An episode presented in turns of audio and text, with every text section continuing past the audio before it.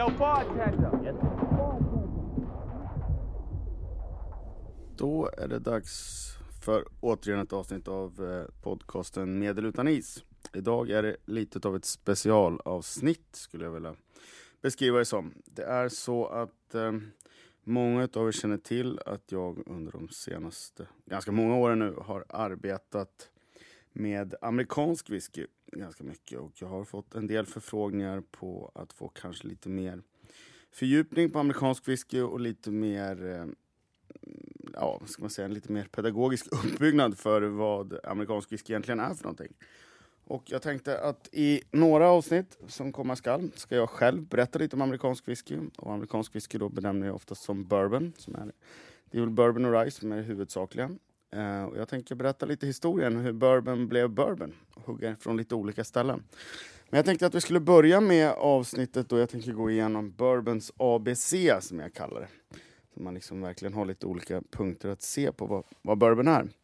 Uh, och det kommer jag gå igenom i slutet av det här avsnittet. Då jag kommer även att eh, dricka lite bourbon tillsammans med er. Och den här gången och idag på tur så står det en produkt som heter Jim Beam Double Oak Twice Barreled 43% från Kentucky. Men vad är det då som föranleder till att det finns något som kallas för Bourbon ABC? Jo, så här är det.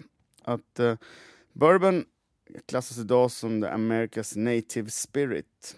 Och varför har man blivit tvungen att klassa det som America's Native Spirit? Jo, det var något som kongressen gjorde den 4 maj 1964. Men vad var det som föranledde att man faktiskt gjorde en lag kring det? Det finns ju lite lagar kring vad som får vara en tequila som dök upp på 60-talet. Men det finns även lite lagar runt 60-talet också för vad som får vara en bourbon. Eh, och det är såklart att det har med kapitalism och annat att göra. Jag skulle vilja säga att det är något som utlöper ur andra världskriget. Andra världskriget i sig, som är det dödligaste i vår mänskliga historia. Man säger att det finns någonstans mellan 80 till 100 miljoner människor dog under andra världskriget. USA var ett av de sista länderna som gick in i kriget. Man gick in i kriget den 7 december 1941. Många av oss har sett den underbara filmen Pearl Harbor såklart. Um, och det är då amerikanerna helt enkelt går in i kriget. Man har försökt hålla sig därifrån ganska, ganska länge. Men när man väl går in i kriget så har man första världskriget färskt minne och man är väldigt, väldigt snabb att slå om till krigsberedskap i USA. Det vill säga att all industriell produktion som har gått till att bygga bilar, mat och liknande saker styrs om emot krigsföring. Så en månad efter kriget så får man ej producera civila bilar längre i USA. Man får bara producera militärfordon, eller det är så det blir. Det blir även en ransonering av mat. Mat ransoneras på kuponger. Så att det är heller aldrig riktigt aktuellt att använda sädeslagen för att producera sprit vid det här. Det blir även till och med ransonering på att transportera saker och ting för att man vill spara gummidäck för de behövs så otroligt mycket under kriget. Och den, krig, den spriten som faktiskt, eller alkoholen som producerades under kriget, den blev istället till för att rena sår i militära syften och användes också till eh, produktion av både missiler och torpeder. Och man kan tänka sig vad eh, nykterhetsrörelsen tänkte i USA under, under den här tiden. För 1933 redan så tog så tog sig alkoholförbudet bort i USA på den så kallade Repeal Day som är den 5 december 1933. Det är då man tillåter stark sprit igen i USA. Öl och vin har ju varit tillåtet sedan maj samma år. Eh, och nykterhetsrörelsen blir såklart jätteglad för det här. Eh, man börjar även ransonera whisky i USA. Man får bara dricka en flaska i veckan. Det var ganska mycket måste jag säga så här med lite svenskt perspektiv på det idag. Några 70 år senare. Men i alla fall, det är här en av hjältarna, de som har påverkat bourbonindustrin allra mest, kommer in i det här. Han heter Louise Rosenstiel. Och han är en väldigt rik affärsman i USA, en så pass rik herre som har levt genom andra världskriget. Och han har även, till och med redan under förbudstiden, så har han ägt väldigt många eh, destillerier och köpt på sig det, där man fick producera sprit för medicinskt bruk bland annat. Han är bland annat polare med J. Edgar Hoover. Det honom känner vi till. Det har varit en Hollywoodfilm med honom för inte så länge sedan. Han är ju även den berömda FBI-chefen som aldrig vill bli president utan istället sitter han 50 år vid makten i USA. Eh, för en president kan ju bara hålla i åtta år, men han håller då för evigt kan man säga. Eh, det här företaget som Louise Rosenstiel producerar eller tar tag i, eller drar av en om man ska säga, det här miljardimperiet han gör, Det kommer att få ganska stor inverkan på spritbranschen. Det heter Chenelly Distillering Company. Chenelly Distillery Company blir senare, han dör sen 1976, men det blir senare 1987 sålt också till ett företag som vi känner till bättre idag som heter Guinness. Där många av oss har varit på The Gravity Bar i Dublin och druckit Guinness. Guinness idag ägs av ett brittiskt företag som heter Diageo som är för övrigt världens största spritföretag. Så där har man lite idé om vad hans imperium mynnade ut i. Man säger också att hans dotter var delaktig i att både sätta Jägermeister och Grey Goose på kartan i USA. Och tyvärr tror jag hon gick bort lite för tidigt om jag förstår historien rätt. Men för hon blev miljonär på de här, eller dollarmiljonär på produkterna efter sin död. Eh, men som sagt var, han levde genom andra världskriget. Han hade färskt i minnet. Eh, och det han ser efter andra världskriget, det är att han inser att nu är det på gång med ett till världskrig. För det är då som det blir krig mellan Nord och Sydkorea. Till Nordkoreas hjälp så kommer direkt Amerika eller mm, ryssarna, alltså Sovjetunionen och Kina, ställer sig på Nordkoreas sida. Amerikanerna dras in i kriget på Sydkoreas sida via FN. Eh, och under den här tiden så är det president Truman som är, pres är president i USA. Han har tagit över efter Roosevelt som var den Eh, rullstolsbundna presidenten som faktiskt krigade och slet som allra mest men aldrig tyvärr fick se slutet på andra världskriget. Truman i alla fall, han, blir då president, han är president och han deklarerar aldrig ett krig mot Nordkorea. Han vill inte det. Han inser att ett tredje världskrig står för dörren, så han vill inte det. Istället kategoriserar han det till en polisakt. Det här är ganska intressant för oss, som inte, eller för mig i alla fall, som är intresserad av den historien som inte är så långt tillbaka från oss i tiden. Eh, så istället för att det ska vara det så blir det en polisakt. Därav så blir det väldigt lite medial uppmärksamhet på det här i USA. Men Rosenstiel, han ser då, eh, för er som, för er som eh, vill veta så ligger det här då mellan andra världskriget och Vietnamkriget. Rosenstiel ser då en jättemöjlighet till att ett tredje världskrig är på gång och han vill tjäna pengar. Så han drar på kopparpannorna för fullt. Han drar på destilleringen. Så att det produceras bourbon utan dess like i USA under den här tiden. Han producerar så pass mycket bourbon så att det ska räcka till de åtta kommande årens efterfrågan utifrån den takten han har när han börjar. När Koreakriget sedan tar slut tre år senare men väldigt liten påverkan på både den amerikanska ekonomin och framförallt en i princip orörd bourbon-konsumtion för det har inte blivit någon ransonering eller något sånt alls. Då har han fortfarande två tredjedelar kvar av all sin bourbon. Var har man då två tredjedelar av sin bourbon? Jo, man har den såklart i lagringshusen. Lagringshusen i Kentucky, mm, de kallas så kallade rackhouses. De är gigantiska, jättestora. Eh, utsätts för oerhörda temperaturskillnader under åren de ligger där. Det kan vara 40 grader varmt på sommaren och det kan vara ganska kallt på vintern, speciellt i Kentucky-området där det lagras där. Det vill säga att det blir en avdunstning ganska fort i faten. Det blir en så kallad vaporisering.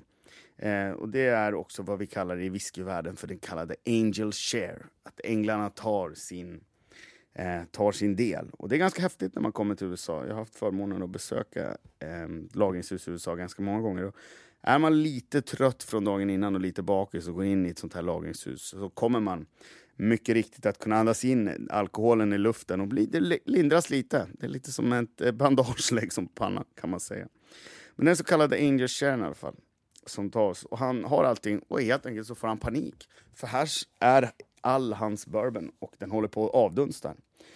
Och vad gör man då? Ja, man gör väl som vilken vettig amerikan som helst. Man trycker in ännu mer pengar in i sin verksamhet. Så man säger att i dagens pengavärde så trycker han in 300 miljarder dollar in i...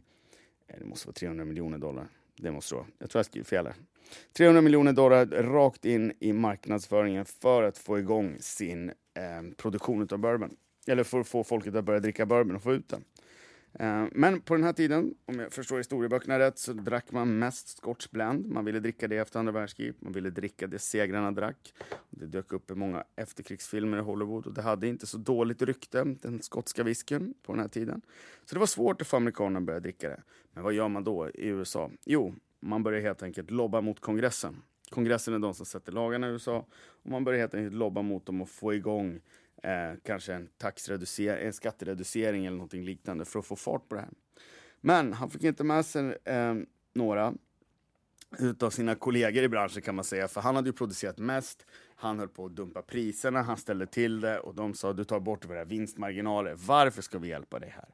Men det han gör då, den här rika herren, han bestämmer sig helt enkelt för att skapa en egen lobbyorganisation. Tänker inte ens gå ihop med de andra. Han skapar sin lobbyorganisation som heter The Bourbon Institute. Som leds till och med av en gammal eh, officer som har varit delaktig och stridit på stränderna i Normandie under 1944, vid D-dagen till och med. Och så kommer det då den 4 maj 1964 när, när kongressen i USA lagstadgar kring vad som ska få vara the native spirit av Amerika. Vad är det som krävs för att den ska få kallas för att vara en straight bourbon, eller en straight dry, eller en straight corn whisky? För bourbon fanns innan, men för att du skulle få använda ordet straight, så om du tittar noga på din bourbonflaska så kommer det stå straight där. Tittar du noga på din ryeflaska, är den från USA, står det straight dry.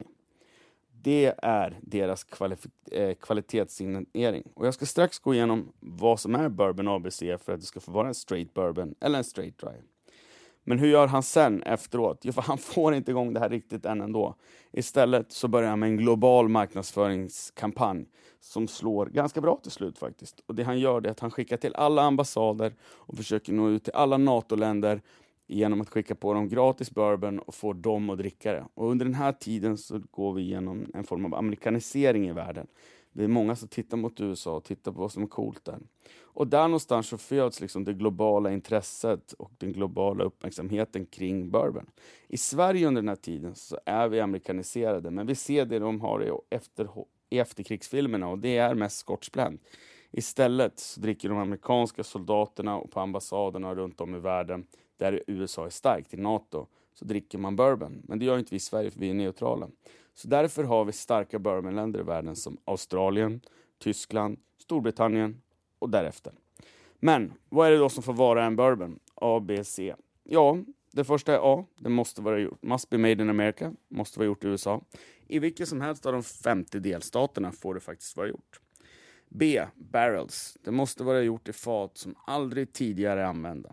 Du får alltså inte återanvända dina bourbonfat, vilket man är väldigt glad över Skottland till exempel. 90% av all skotsk whisky läggs på gamla bourbonfat, säger man.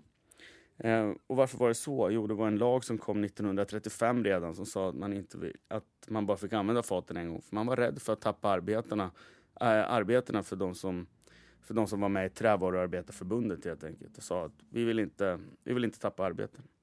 C. Corn, alltså majs. Det måste vara gjort av minst 51% majs för att det ska få kallas en straight bourbon whisky. Och detsamma, stäm, detsamma gäller rye whisky. Det måste vara minst 51 rye. Eh, rågas. D. Det får inte distilled. Det får inte vara högre destillerat än 80 i pannorna.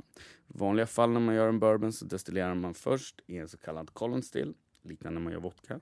Sen destillerar man i något som påminner om en pot still men som är continuously going som heter en doubler. Eh, eller en Thumpler. Det är lite olika på vilket destilleri du är på. E. Entry. Du får inte gå i fatet lägre än, eller högre än 62,5 procent. När man destillerar över 80 procent, då kan man helt enkelt späda ut det mer. Man tappar kvalitet. Går man i fatet i högre än 62,5 procent så anser man också att man tappar kvalitet. Så det här är liksom en kvalitetssäkring. F. Filled. Du får inte fylla flaskan under 40 procent för då får det inte kallas för en bourbon heller. Det går liksom inte. Och sen har du G, genuine. Det får inte vara någonting tillsatt. Det får inte tillsättas socker, det får inte tillsättas färgämnen eller någonting sånt. Det får man faktiskt göra i vissa andra länders whiskyproduktion. Det är lite lustigt. Så där, där kan jag berätta att det är en hel del som blir lite förvånade när man berättar att olika av de här honungsvarianterna och liknande som folk tror är whisky men som har tillsatt socker i sig, blir de lite knäckta när man berättar att det där är ju inte whisky, det är en likör blandad med whisky. Så det är bourbons ABC. Men det här ordet straight har också en viss inverkan på åldern. Och nu blir det lite krångligt. Men för att det ska få kallas för en straight whisky så måste den vara lagrad över två år. Är den lagrad under fyra år så måste den ha en åldersbeteckning på sig. En sån whisky har jag nästan aldrig stött på under alla år jag har jobbat. Förutom faktiskt på en eh, på, eh, på, Tesco, eller på Sainsbury's i UK där de faktiskt hade en whisky som jag tror var producerad i Frankfurt. Man kunde inte se om det var Jim Beam eller Buffalo Trace som hade gjort den. för det kunde inte utläsa av etiketten. Men det var en straight whisky och det stod tre år på den. Så, nu hoppas jag att ni har fått med er lite av den grundläggande kunskapen för vad som ska få vara en bourbon eh, och vad som är en rye whisky. Och nu har ni lite idé om hur det har påverkat. Idag ser vi en, såklart en jätte, ett jätteuppsving med både bourbon och rye. Ryen kommer ju mer och mer nu.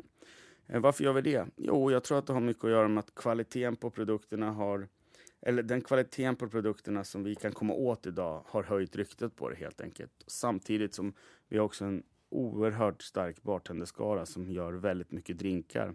Eh, inspirerad av den amerikanska cocktailkulturen där mycket har gjorts på rye och bourbon från början.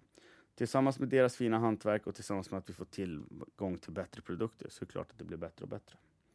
Då är det dags att dricka lite Jim Beam Double Oak.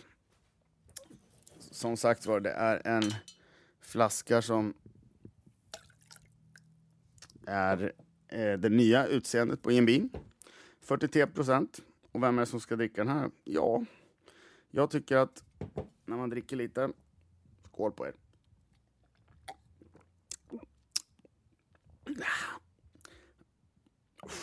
När man dricker lite så, här är den sådär liksom lite härligt sötkryddig i början.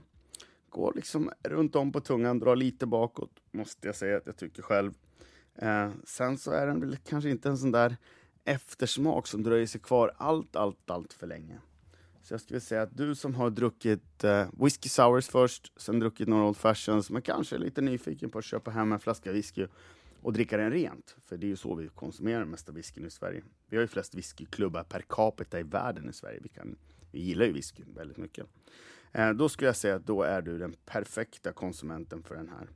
Eh, det är lite sådär att det händer mycket i början, men man kan ta nästa sipp ganska tidigt efter.